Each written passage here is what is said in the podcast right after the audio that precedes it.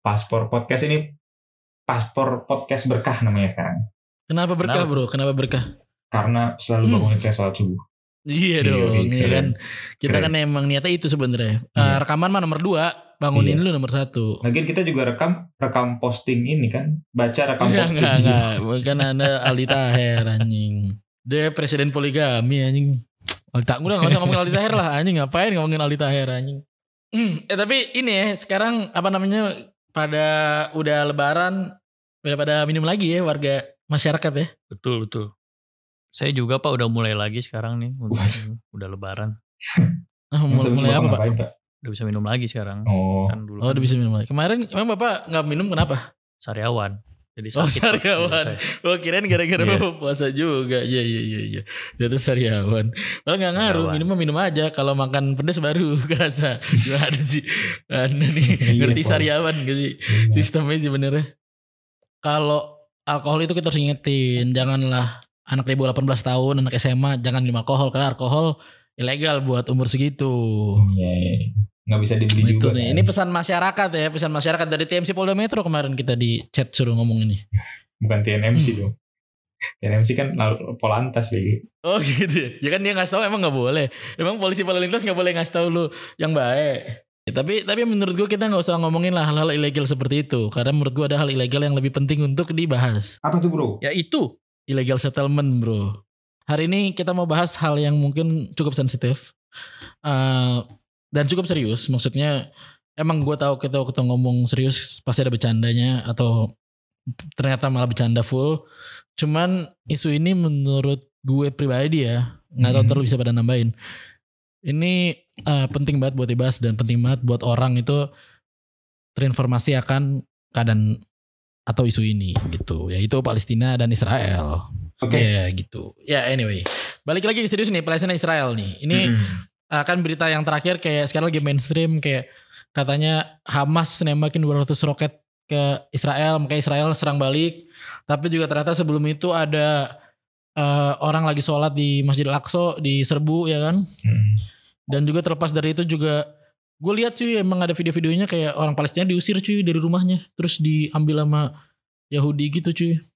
Nah Yahudi ini katanya yang gue denger nih, nih, nah ini, nah gue mau nanya dulu deh sebelum kita ngomongin eh atau Ford, sebelum kita ngomongin sejarah ini semua, gue mau nanya deh yang illegal settlement itu, emang bener ya katanya yang kesan yang di, di, dimasukin ke rumah-rumah yang diambil dari Palestina itu adalah orang-orang Yahudi yang sebenarnya bukan dari warga negara Israel tapi dari mana aja, tapi datang ke Israel buat minta keluarga negaraan.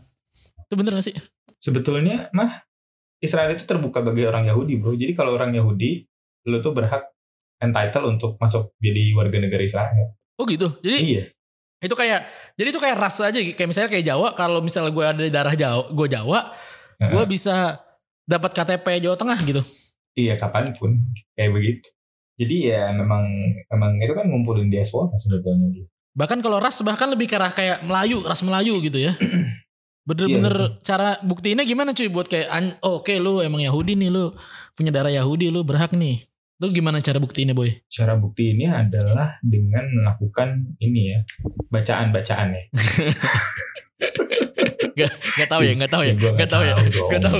Oh iya sorry sorry. Iya tapi tapi tapi Nan maksud gue gini waktu kita ngomongin Israel sama Palestina jujur Hmm. maksud gue eh iya banyak banget kayak media suwe ada yang media ngeberitainnya tentang kayak anak-anak meninggal tapi juga eh, media yang ngeberitainnya kayak eh 200 Hamas duluan nyerang ngirimin roket tuh sampai kayak yang di blok-blok gitu sama Israel. Nah, pertanyaan gue sebenarnya nih kalau kita ngelihat turut dari permasalahan ini awalnya tuh isu ini ini kan panjang banget puluhan tahun kan isu, isu Israel Palestina ini kan.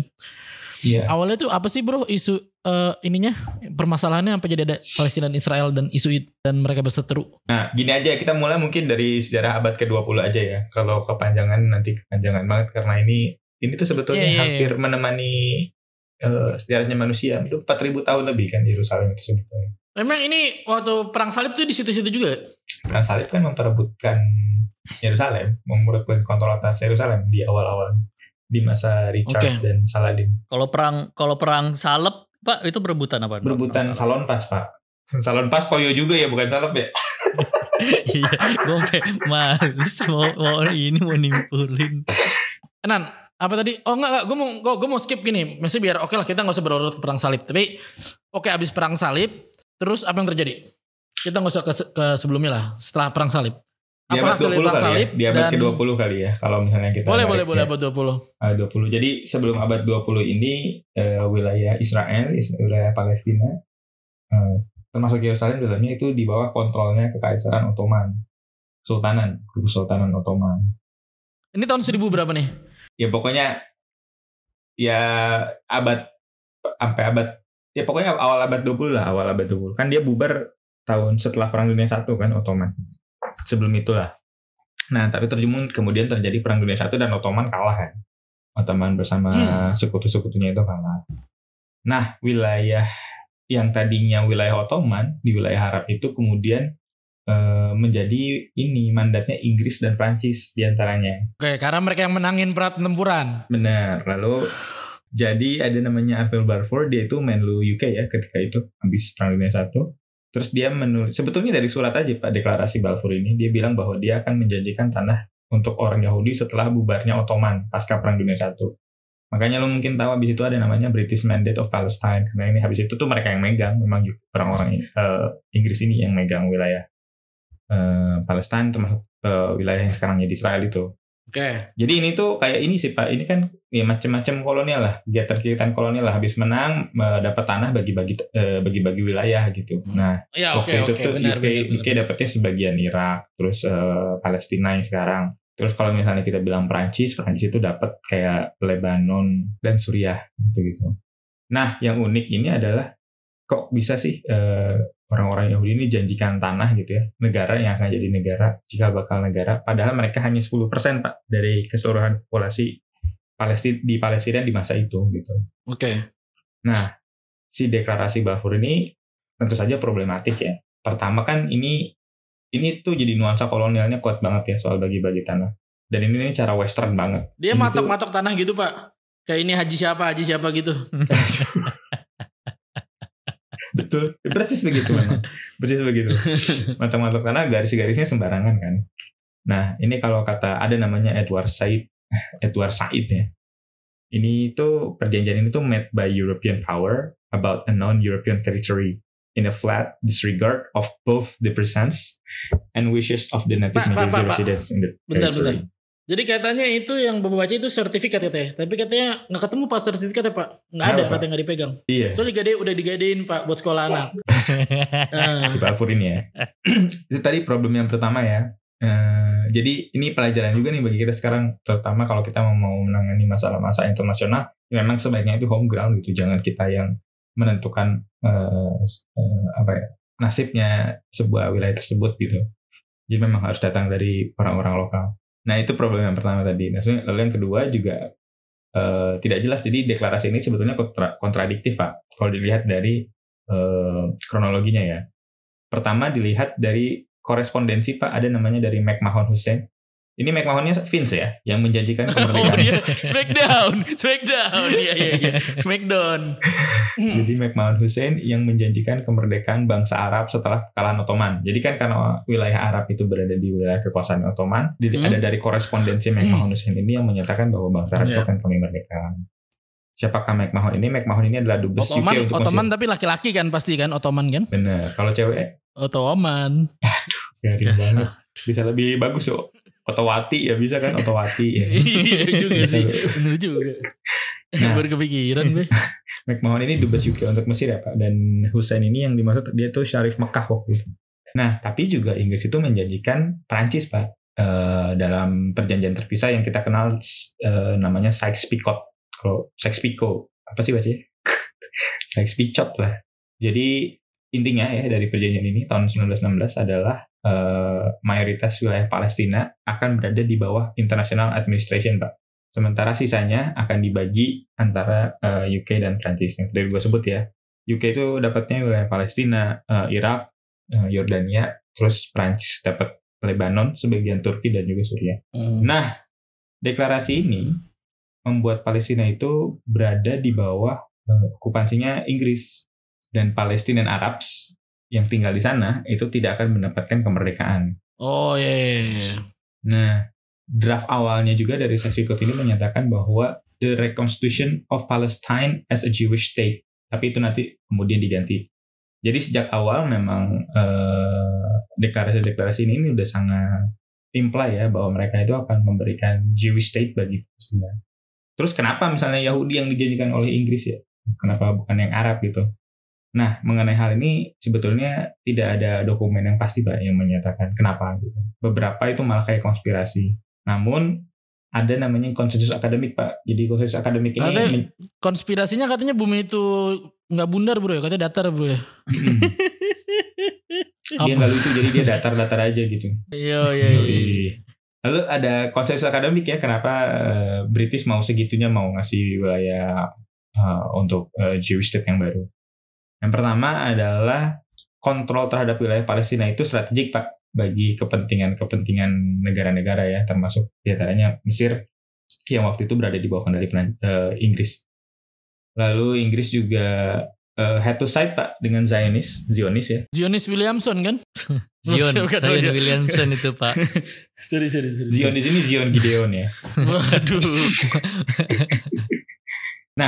Eh, yang kedua adalah jadi UK itu harus side with Zionis pak karena mereka mau mencari support dari orang-orang Yahudi di US dan di Rusia gitu Eh bukannya pada waktu itu Yahudi-Yahudi di diskriminasi juga pak di bukan Eropa not ya? di US kan kalau di US kan dari dulu memang sudah kuat pak dan di Rusia jadi bukan di, Oh. di Europe Europe-nya Ah, Oke. Heeh, jadi jadi eh, Inggris ini eh, side dengan Zion itu karena mereka mau gain or- dukungan Jewish ya di US dan Rusia yang cukup kuat itu sehingga US dan Rusia itu bisa tetap menjadi sekutunya British sampai kemenangan mereka di perang dunia gitu pak.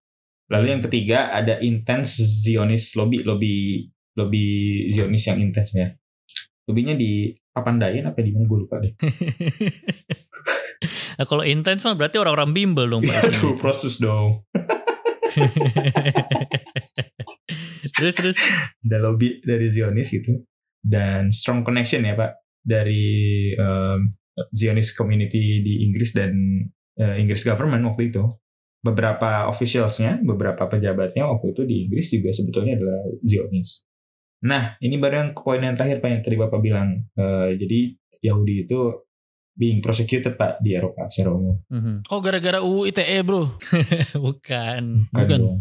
Nah, poin yang terakhir adalah Jews being persecuted in Europe, Pak. Eh, jadi dan British government ini mereka simpati gitu terhadap keadaan ini. Nah, semenjak saat itu tahun 47 eh ke tahun 47 sih. Oh ini, tahun ini dari Inggrisnya tahun itu dari perdana menterinya Perdana menterinya Boris Johnson bro itu ini ya. bukan dong. PM-nya Bukan. bukan. Boris Johnson. Siapa pak? PM-nya tuh, Pak. 2 PM. 2 PM. Waduh. Korea itu Gue beda. nggak tahu. Eh. Kan. Nah, jadi semenjak kreasi Balfour dan seterusnya udah terjadi penolakan, Pak, di negara-negara pan Arab waktu itu ya. Bahkan mereka sudah tahu nih bahwa, bahwa jadi mereka tuh sebetulnya sudah kayak punya feeling gitu ya bahwa ini nih yang mau dikasih mau di, mau sefair apa pun ini orang orang Arab Palestina ini bisa terusir dari wilayahnya gitu. Nah, sampai Hmm. pada tahun 47 ketika British Mandate yang tadi yang tadi udah selesai dan Israel akhirnya sudah punya kekuatan militer yang kuat, Pak. Jadi di bawah Tahun British 47 dia Mandate. udah punya militer yang kuat. Mm-mm. Jadi tahun 47 itu di bawah British Mandate Israel itu ya diizinkan untuk memiliki kekuatan militer dan organisasi politik, Pak. Sedangkan Dapetnya dari mana? Berarti dapat dari Inggris, Di- dari US. Yes, berarti. tapi sedangkan Palestina tidak diizinkan gitu. Hasilnya ya perang pertama gitu di tahun 48 yang menandai kemenangan Israel pada perang Arab Israel pertama. Jadi nggak berimbang waktu itu karena di sisi eh, Israelnya mereka sudah dibi- dibina gitu ya dengan organisasi politik dan organisasi militer gitu. Nah semenjak saat itu Pak ada undang-undang di Israel yang bilang, nah ini undang-undangnya yang bilang bahwa area yang ditaklukkan oleh Israel itu akan menjadi wilayah mereka gitu. Oh. Berarti kalau misalnya pacar bapak ditaklukkan cowok Israel berarti jadi punya orang Iya Israel menurut berarti. undang-undang seperti itu. Oh, saya aminin deh kalau gitu. Waduh. Mungkin dia di center ya, Pak. ya? Waduh. Udah pernah, udah udah pernah pak, udah pernah, udah pernah, udah pernah pak. Kenapa tidak diamini? Nah, setelah tahun 48 eh nah setelah 48 itu ada empat perang, Pak. Setelah 47 maksudnya. Ada empat perang. Pertama adalah perang tahun 48. Nah, ini terjadi setelah Hmm. deklarasi independen Israel. Gitu. Oke. Nah, jadi Israel itu kan seperti yang tadi gue udah bilang sih, sebetulnya dia isinya itu orang-orang diaspora ya. Diaspora orang Yahudi yang di Eropa yang di mana-mana. itu disuruh masuk jadi penduduk eh, Israel. Lalu Israel kemudian sudah berorganisasi politik dan memiliki kekuatan militer. Nah ini yang tidak terjadi di orang-orang Palestina. Lalu berdasarkan keputusan UN Pak, eh, setelah British Mandate ya tahun 48 ini, wilayah dibagi dua antara Palestina dan Israel.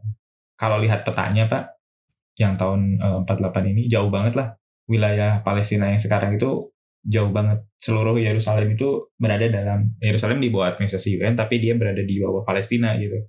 Dan jadi kan ada Golan, ada tepi barat, ada Gaza itu semuanya milik Palestina dan wilayahnya jauh lebih besar daripada yang ada yang ada sekarang gitu. Nah, eh, Liga Arab waktu itu tidak suka dengan pembagian ini. Lalu terjadilah perang itu antara Israel dengan Liga Arab yang isinya itu dari Mesir, Suriah, Transjordan, Saudi, Irak, Lebanon, dan Yaman. Ini Transjordan namanya dulu karena yang punya CT. Iya. Waduh. Ada ya, ya. ada transnya. Transcorp dia. Iya, iya. Nah, kok bisa ini negara udah bergabung-gabung PAN Arab masih tetap kalah sama Israel. Sebetulnya Hmm. dalam perang itu Pak, Liga Arab Advances, Liga Arab itu sempat eh, menang, tapi pada akhirnya kalah bener, kalah bener mereka. Maksudnya gimana Maksudnya Pak? kalau bener Menang terus gimana? kalah bener. Liga Arab itu sempat advances, maksudnya mereka sempat masuk melalui Gaza, advances ke wilayah-wilayah penting Israel. Tapi eventually, ini memang dari dulu mereka udah disiplin ya tentara-tentara Israel ini. Jadi mereka bisa menang. Dan malah kekuasaannya sekarang itu enggak bukan sekarang dari hasil perang itu jauh lebih besar daripada daripada yang disepakati via UN gitu. Oke, Heeh. jadi karena dia berdasarkan undang-undang itu, karena dia menang it, menang perang, jadi dia okupansi tuh Okupansi. wilayah-wilayah Nah. yang sebelumnya milik PAN Arab, negara-negara PAN Palestina. Arab itu. Yang udah enggak Palestina dong. Palestina doang apa wilayah yang Golan itu semua segala macam itu? Nah, Golan akhirnya masuk Pak, Israel tuh bener Pak. Terus masuk Israel terutama kan? dilihat yang tepi barat Pak. Tepi barat kan tadinya eh, luas banget tuh wilayahnya Palestina. Tapi gara-gara perang ini orang Israel tuh bisa dapat isi eh West Yerusalem itu Pak akhirnya Pak. Sorry dan gue potong di barat tuh di, di- karena Palestina belum merdeka di perintah, maksudnya administrasinya administrasi Jordan di situ. Iya kali ya? Iya kalau nggak salah. Enggak Jordan sih. setahu gua. Karena Iya. kalau yang Gaza, Gaza itu Mesir. Iya iya. Iya kali Iya ya. kan? Iya benar benar Gitu benar. kan. benar. Nah itulah akhirnya Terus akhirnya perang terus dia bisa masuk Pak, bisa dapat wilayah West Yerusalem itu jauh banget itu. Awalnya mereka nggak sama sekali nggak dapat eh, Israel ini, tapi gara-gara perang ini mereka jadi punya wilayah West Yerusalem. Oke. Nah, kenapa juga eh, Liga Arab ini bisa kalah? Ini yang gue udah bilang tadi ya, disiplin dan strategi Pak. Ini jadi hal yang penting banget buat militernya Israel. Jadi selama perang ini terjadi beberapa terus Pak, apa gencatan senjata ya. Ah, Nah, tapi ini digunakan oleh Israel ini digunakan bener Pak untuk reinforcement. Jadi mereka langsung beli senjata misalnya dari Ceko Pak waktu itu dan penambahan personel. oh, Nah ini nggak terjadi di Liga Arab gitu. Jadi dari dulu mereka memang sudah eh, disiplin banget dan strategi Udah antisipasi ya. Iya. Nah lalu juga Pak di tengah-tengah perang ini tuh ada pertemuan rahasia antara Golda Meir sama Transjordan tadi. Jadi Oke. udah agak lemah nih sebetulnya eh, unity-nya Liga Arab itu. Jadi Meir bilang bahwa Israel tuh nggak akan nyerang wilayah Yordania. Jadi udah ada perjanjian-perjanjian damai macam ini yang membuat unity-nya Liga Arab itu melemah lah gitu. Itu perang 48 tuh. terus habis itu Nah, habis itu terjadi namanya perang Arab Israel kedua tuh. Nah, itu isinya tuh invasi Israel ke Suez, Pak, dibantu Prancis dan UK. Waktu itu mereka ngelawan Egypt, Mesir. Egypt Kibil. Aduh, bukan. Aduh. Egypt Kibil. kan kalau orang nikah Egypt Kibil. Oh, ijab kabul anjing. Wah, kacau rusak lu. Nah, Terus? waktu itu juga Mesir udah terdesak, Pak, oleh Israel dari perang ini. Tapi ada tapi di UK-nya waktu itu ada desakan politik dan ekonomi ya, Pak. Ada ada goncangan lah di UK-nya sehingga UK harus cabut dari eh, perang ini. Akhirnya ada perjanjian gencatan senjata dan Mesir akhirnya jadi me- megang kendali Suez, Pak. Terusan Suez. Sedangkan Oke. Israel itu dapat akses di selatiran di wilayah Sinai. Ah, Tapi Israel sebelum dia cabut akhirnya, akhirnya dia dia tuh ngancurin-ngancurin infrastruktur dulu Pak di Sinai sebelum bisa dipakai lagi oleh Mesir. berarti jadi Sinai lautan api gitu ya. Apinya api biru malah Sinai kan karena dia Sinai. Itu Rinai bro, beda. Nah, terus ada perang ketiga Pak, ini tahun 67, perang 6 hari. Jadi eh, Tiran Strait Pak, selatiran yang tadinya dikasih akses kepada Israel itu ditutup oleh Gamal Abdul Nasir. Waktu itu Oh, Gamal Abdul Nasir belum dinasionalisasi. Mm-mm, Gamal Abdul Nasir itu belum ketemu sama Cantika belum sama Audrey juga belum ya. Oh, Bukan, Gamaliel, Gamaliel. beda. Gamaliel. Beda, beda. Hmm. Nah, tahun 67 eh, terjadi perang lagi, perang kedua ini Strait Tiran. Yang kedua, ketiga ini eh, Selat Tiran yang tadinya dikasih ke Israel ditutup Pak oleh Gamal Abdul Nasir. Kali ini Israel bener-bener unggul Pak. Unggulnya unggul bener-bener. Pasukan Oh. Arab ini kalah total. Oh, ini Dan- tetap Arab atau Mesir doang? Ini Maksudnya dua, dua, gabungan? dua front Pak karena Jordan juga Oh. diserang. Frontnya tapi ini nggak pak? Eh, dikasih izin ke Menkumham nggak pak? Beda, itu front Kan- pembela. Oh. Beda lagi. Oh iya iya iya iya iya. iya. Hmm. Iya iya iya iya. iya. Nah, pasukan Arab kalah total, Pak. Eh, Israel akhirnya dapat Sinai, dapat Golan, tepi barat dan Gaza. Wah, ini makin gede lagi nih wilayahnya. Oh. Yordania itu diserang karena Israel nyerang PLO, Pak, di wilayah Jordan. Nah, akhirnya Jordan balas. Akhirnya mereka tetap dua front. Nah, eh, hasil dari perang ini, Pak, akhirnya eh, orang Yahudi itu bisa berdoa di tembok ratapan, Pak. Sebelumnya nggak bisa loh. Dan tembok Oh. atau tembok barat ya, tembok barat dari Mount Temple itu, Pak. Karena sebelumnya nggak boleh. Hmm. Ini akhirnya gara-gara perang ini mereka dapat akses nih sini. Terus mereka Tapi bisa wilayahnya gimana pak? J- j- berbedanya? Oh, jauh pak jadi yang Golan tuh akhirnya Israel occupy penuh terus tepi barat dan Gaza ya sama lah akhirnya makin menipis makin menipis itu itu pak jadi Yahudi bisa berdoa di tembok ratapan terus ada namanya Goa Patriarki ini makamnya Nabi Ibrahim itu jadi dibagi dua pak sekarang ada sisi Yahudi ada sisi Islam ada sinagog terus ada masjidnya pak dibagi dua gitu. Di Hebron ya. Hebron tuh wilayah Palestina loh. Lalu makam Rahel pak. Makam Rahel di Bethlehem dan makam Yusuf di Nablus. Ini dua-duanya di wilayah Palestina tapi dua-duanya dikelola oleh Yahudi. Jadi sudah sudah selain wilayah akhirnya orang Yahudi juga dapat akses untuk ibadah mereka gitu. Yang sebelumnya nggak pernah mereka dapat. Nah, di tahun 73 eh, terjadi perang namanya Yom Kippur atau perang Ramadan barengan Jadi Hmm. perang Yom Kippur atau perang Ramadan. Nah, tahun 73 ini Mesir mau Sinai dan Suez balik. Dan Suriah mau di front Golan ya, di Golan Heights. Israel ini sempat kalah Pak di Sinai sehingga Suez direbut oleh Mesir, tapi Israel masih bisa bertahan dan menguasai wilayah sebagian Sinai, eh, sebagian wilayah Sinai. Nah, implikasi dari perang ini adalah eh, akhirnya tuh Liga Arab tuh tahu kalau mereka mau gain sesuatu dari perang melawan Israel itu susah Pak. Akhirnya harusnya melalui cara damai. Nah, itulah akhirnya kemudian lahir Camp David Pak. Gitu. Cuman akhirnya Camp David kan setelah Camp David, setelah perjanjian damai itu eh, orang-orang Mesir nggak puas sama sama Anwar Sadat Pak akhirnya ditembak kan Anwar Sadat waktu parade militer Oh gitu. Gara-gara itu tuh, gara-gara hasil perjanjian itu. gara-gara perjanjian nggak puas kenapa harus damai gitu sama Israel tapi sebetulnya secara politik orang-orang Liga Arab ketika itu memahami betul bahwa ya kita kalau mau gain wilayah ya harus melalui perdamaian karena perang sulit sekali basically ya karena unity dan kemampuan perangnya menurun banget ya apalagi sekarang kan situasinya Iya, kurang sekarang udah beda banget posisi-posisi Hmm. tiap negara Arab itu.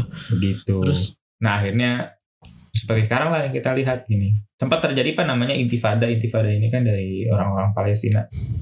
Tapi ini adalah perlawanan terhadap orang Israel. Terjadi di tahun 87 yang pertama intifada satu. Jadi yang pakai melempar batu gitu-gitu tuh ini adalah simbol dari perjuangan intifada ini. Dari 87 kemudian adalah Oslo Accord Pak di tahun 93 dan 95. Di sinilah kita lihat peta two state Pak yang sekarang kita lihat bahwa Pak Israel dan Palestina ini harus seperti ini nih two state solution gitu. Eh, yang melakukannya adalah Yitzhak Rabin dan Yasser Arafat. Yasser Arafat dari PLO ya. Nah, Yitzhak Rabin ini setelah Oslo Accord ada juga ketidakpuasan dari eh, sayap kanan di Israel sehingga dia ditembak. Yitzhak oh Rabin. gitu. Iya, dibunuh dia. Lalu ada juga Camp David. Kayak Biggie Biggie Small sama Tupac gitu bro ya. Iya benar. Sama Notorious B.I.G. Ya itu kan Biggie Small kan terus BIG bapak. Oh iya. Sama dong. Terus terus terus. Nah akhirnya ada Camp David Summit 2000 Pak. Ini juga mau ngomongin langkah selanjutnya gitu. Apa yang bisa dilakukan. Tapi tidak ada konklusi Pak. Akhirnya gagal ini Camp David Summit 2000. Oh gitu. Mm-mm. Lalu habis itu terjadi namanya Intifada 2. Nah Intifada 2 ini Ariel Sharon waktu itu. Belum sama lu namanya ya berarti dia. Wah itu dia. Ariel Sharon ini masuk komplek Al-Aqsa Pak. Nah ini tuh nggak pernah orang Yahudi itu memang nggak boleh masuk komplek Al-Aqsa. Tapi Ariel Sharon waktu itu masuk dan menimbulkan namanya Intifada 2. Gitu. Atau Rebellion 2. Perlawanan 2. Gitu. Nah ini yang unik adalah orang Israel itu emang nggak nggak bisa masuk wilayah Al-Aqsa Pak. walaupun itu secara Oh, administrasi gitu. dan keamanan berada di wilayah kekuasaannya Israel. Tapi si Hmm. ta- si tanah Al-Aqsa-nya itu dikelola oleh wakaf Islam dari Yordan kalau nggak salah. Nah orang Yahudi itu nggak bisa masuk itu. Jadi mereka hanya berdoa di tembok baratnya itu. Itu bagian dari perjanjian. Bagi- itu kayaknya ini deh. Kayak orang Israelnya ngasih aja. Ada beberapa hal sih Pak selain karena urusan politik perjanjian. Yang kedua adalah memang eh, gini. Dulu tuh ada namanya tabernacle. Mungkin lu tahu kalau tabernacle. Act of Covenant. Nah itu tuh dulu ditaruh di eh, temple di kuil yang sekarang jadi kompleks Al-Aqsa. Nah Oh, orang Yahudi Hmm. itu orang Yahudi yang umum ya bukan yang high priest ya bukan yang imamnya itu nggak boleh mereka tuh takut untuk nginjek tempat tabernakel dulu jadi mereka juga agak bert untuk masuk wilayah Al-Aqsa makanya mereka berdoanya di wilayah yang tembok ratapan itu. Nah yang terjadi kemarin adalah sebetulnya force eviction lagi ya pak ya. Ya bukan force eviction sih orang itu dua negara Eh, apa ya illegal occupation ya dari orang dari orang Israel. Dia mau bikin mau bikin pemukiman terus mengusir orang-orang yang berada di wilayah Sheikh Jarrah itu. Iya Sheikh Jarrah. Tapi Sheikh Jarrah ini sebenarnya eh, wilayah siapa Pak? wilayah Palestina pak. Itu pemukiman. Cuman kan biasa tuh kalau Israel kan mereka mau meluaskan luaskan luaskan luaskan untuk pemukiman orang-orang Israel. Tapi Sheikh Jarrahnya ini sebetulnya wilayah Palestina. Nah kenapa terjadi di Al-Aqsa? Kalau beberapa orang bilang bahwa kenapa setelah Sheikh Jarrah ada Al-Aqsa? Kenapa yang disebut Al-Aqsa? Kenapa Pak? jadi itu tuh Israel mau menunjukkan lu kalau ngelawan gue lu kalau nggak nurut gue Al-Aqsa nih bisa gue rebut kapan aja lu nggak bi- bisa nggak doa lagi di sini. Gitu pak. Makanya mereka menyerang Iya, Al-Aqsa. iya, iya. setiap setiap ada masalah pasti kalakso kalakso kenanya. Gara-gara itu gitu Tapi lo berarti kalau di masa ini pandangan lo sendiri gimana? Maksud gue apa yang harusnya terjadi lah? Cara ideal menurut lo? sebetulnya gue pikirkan ini sih gue tuh gue tuh berpendapat bahwa ini adalah persoalan politik seperti yang tadi tadi bilang dan Tapi tapi susah juga lo bilang politik kalau misalnya kayak perjanjian aja adalah lo boleh berdoa di tembok ratapan Nah, atau apa ini. maksud gue kayak gini Pil ya kan kalau kita melihat situasinya ini mah politik banget kan cuman cuman kita tuh ada profesi di agama kita itu yang membuat ya ini tuh harus terjadi gitu ya kan ada ada kepentingan Iya, iya, iya. Heeh, ada kepentingan. Jangan-jangan juga kalau gini kemarin gue sempat ngobrol juga tuh. Kenapa kalau ini bukan persoalan agama, kenapa eh, Israel Palestina eh, Israel nyerangnya Al-Aqsa bukan bukan gereja-gerejanya orang Kristen, ya kan? Ya, Iya, iya. ya kalau itu sih bisa di- bisa dibilang bahwa ya karena signifikan kalau orang Islam yang pertama. Yang kedua kan yang dispute antara tempel Yahudi adalah sama Al-Aqsa bukan sama orang Kristen gitu. Dan yang ketiga kalau mau lihat pendukungnya kan eh, Yahudi ini perlu mendapat dukungan Israel. Eh Israel ini perlu mendapat dukungan US ya. Sedangkan US itu kan konstituen utamanya adalah yang fanatiknya itu kan evangelis ya. Jadi nggak mungkin mereka ganggu ganggu gereja gitu. Gitu. Jadi sebetulnya ini masalah Hmm. politik, cuman kalau mau dibilang apakah ada corak agamanya ya ada juga gitu. Itu lebih kayak ini kali ya apa namanya? eh lo pernah nonton film The Mist gak sih? Demis tahu saya, Hah? demis yang pesulap kan. Bukan. bukan, bukan. The Mi- Demis yang Bukan. itu kan, yang kabut-kabut itu kan. Iya, kabut cinta kan. Iya yang kabut, iya yang kabut, yang kabut. Waduh, Kabut cinta. yang kabut, yang kabut, yang kayak lu nggak, yang kalau lu keluar ada monster lah, Iya, iya, lah iya. atau apa. Kenapa tuh, Pak? Eh, terus kayak eh, di film itu salah satu quote gue inget banget ngomongin bahwa agama itu ada karena politik. Intinya dia bilang. Karena waktu yang di scene ini loh, kan pertama ada orang kayak orang gila ini dari Tuhan, dari Tuhan. Sampai akhirnya orang pada ngikutin dia juga, jadi pada Hmm. nyembah-nyembah dia juga. Hmm. Dan maksud gue film itu menggambarkan gimana agama tuh bisa memperkeruh su- suasana dan ya tadi mungkin bikin quote unquote irasional juga ya dalam menghadapi satu masalah gitu. Ya gitu sih. Tapi kan kalau kita lihat sekarang ya memang kenapa Al-Aqsa ya karena mereka pengen legitimate bahwa pengen menunjukin bahwa ya lu kapan pun tuh bisa nggak sholat gara-gara gue gitu. Gue tuh kuat banget. Lu nggak usah protes-protes. Kita ada baca ada pertanyaan ya. Ada bacaan dari Ini ada pertanyaan, dari Twitter. ada pertanyaan, ada pertanyaan benar. Dari Twitter, intinya adalah dari- karena kita udah ngomongin kak namanya eh, ini darahku biru, Oh, darahku biru. Berarti persib Darahku ya. biru, bukan. Pendukung persib ya. darahku biru, iya. Pendukung persib ya. Iya. dia ya. Pendukung Intinya, persib. ini pertanyaannya gini nan, bahwa eh, kan dengar-dengar ada tempat yang isinya wartawan yang kita tahu itu isinya wartawan terus diserang juga. Hmm. Sedangkan harusnya itu tidak sesuai dengan berbagai hukum perang lah gitu. Hmm. Nah, lu ngeliat itu tuh gimana tuh? Jadi sebenarnya dan mungkin ya sekarang kan banyak yang kayak anak-anak mati gue nggak tahu itu jatuhnya casualties atau apakah itu melanggar hukum perang? Well, anyway banyak banget tuduhan-tuduhan ini melanggar hukum perang lah yang apa yang terjadi di Israel Palestina saat ini. Menurut lu gimana, Nan? Ya gini Pak, ya kalau berdasarkan hukum humaniter ya udah nggak nggak bisa dibenarkan. Tapi gini Pak, the whole operation gitu ya dari orang uh, Israel terhadap orang Palestina emang bisa dibenarkan Pak? Ya kan itu nggak ada yang benar Pak. Itu kan itu nggak seimbang gitu konfliknya gitu antara Israel dan Palestina. Terus mereka tiba-tiba terus okupansi, okupansi, okupansi kan jadinya bentuknya opres, penjajahan gitu ya. Terus di, di, di mana hal penjajahan itu yang bisa dibenarkan?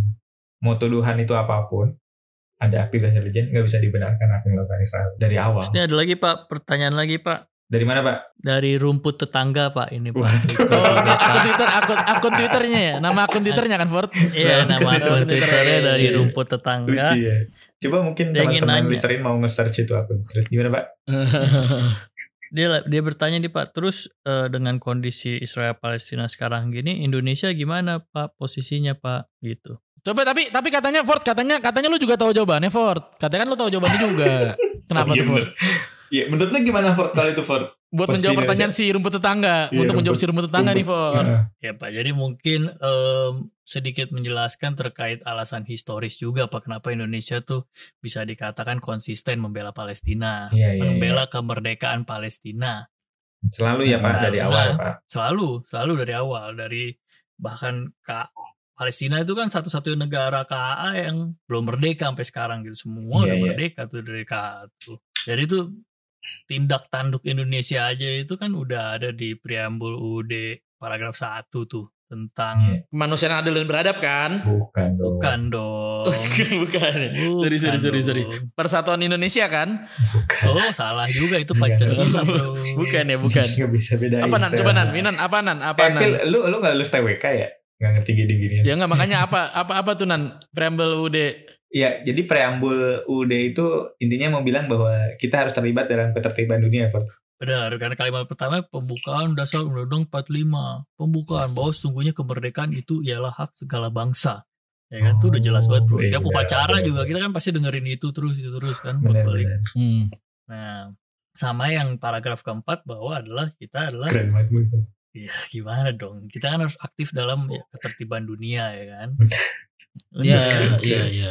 Bahkan dunia goib juga kita ikut aktif, Pak. Oh, iya, lucu Iya, banget anjing betul. dunia goib. Iya. Berarti kita mengayomi tuyul-tuyul apa ya supaya tidak buang sampah sembarangan ya. Betul, disambung-sambungin. Biar tertib. Banaspati biar nggak bakar sampah di pagi hari gitu-gitu ya Pak. Iya. Ketertiban dunia gaib ya. Betul. Seperti iya. ini apa mukbang sesajen di hutan itu kan juga bisa. gitu. Oh iya iya iya iya.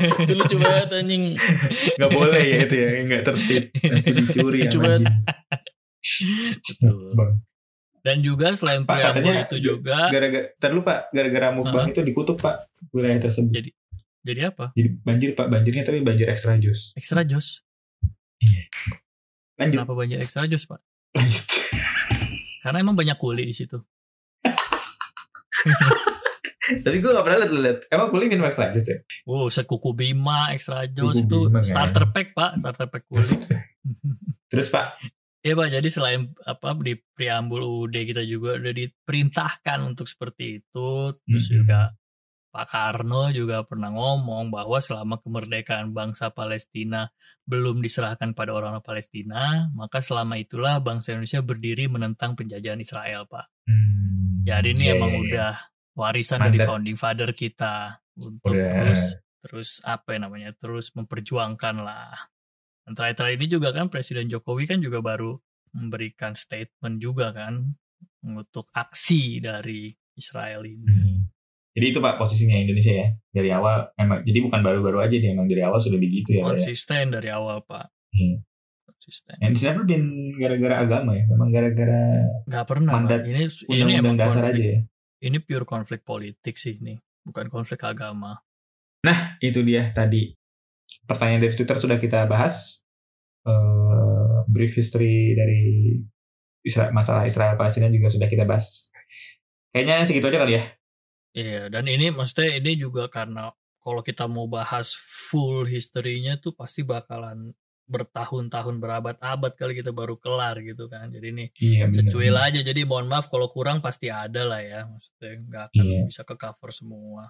Iya, banyak banget. Jadi mendingan kalau mau dibuat part-part tapi itu banyak banget sih. Iya itu dia. Panjang Tapi ya banget mungkin nanti kalau kalau apa maksudnya minat dari masyarakat para listerin positif gitu kan mereka Hmm. mau mendengar lebih lanjut kayak isu ini mungkin kita bisa Iya. bikin yang lebih dalam lagi ke depan. Mm-mm. Dan kita bisa masuk ke Armageddon kan, Fort perang akhir dunia juga bisa ya, kita bisa masuk ya. Itu nanti bro zaman wahyu ketika ada trompet sangkakala dibunyikan itu juga Bener. insya Allah kita bisa sebutin lah nada-nadanya yang dipakai di trompet. Ada chordnya ya. ada chordnya pak itu. iya iya. Nah tapi ini menarik juga nih, Fort. Kalau di Islam sih malaikat Israfil ya meniup trompet kiamat itu dari Yerusalem. Fort. Eh, betul betul. Kalau di Sama ya? Kristen itu nggak tahu gua gua belum nggak nggak nggak jarang baca Alkitab jadi gua nggak tahu. Tapi adalah itulah istilah trompet trompet Iya. itulah. Iya, trompet. Trompetnya di- tapi trompet ska pak yang ditiup dirinya. Waduh. Berarti bunyinya tet tet tet tet kiamat dong. Udah kiamat dari dulu. Tiap sinkronis kiamat, sinkronis kiamat.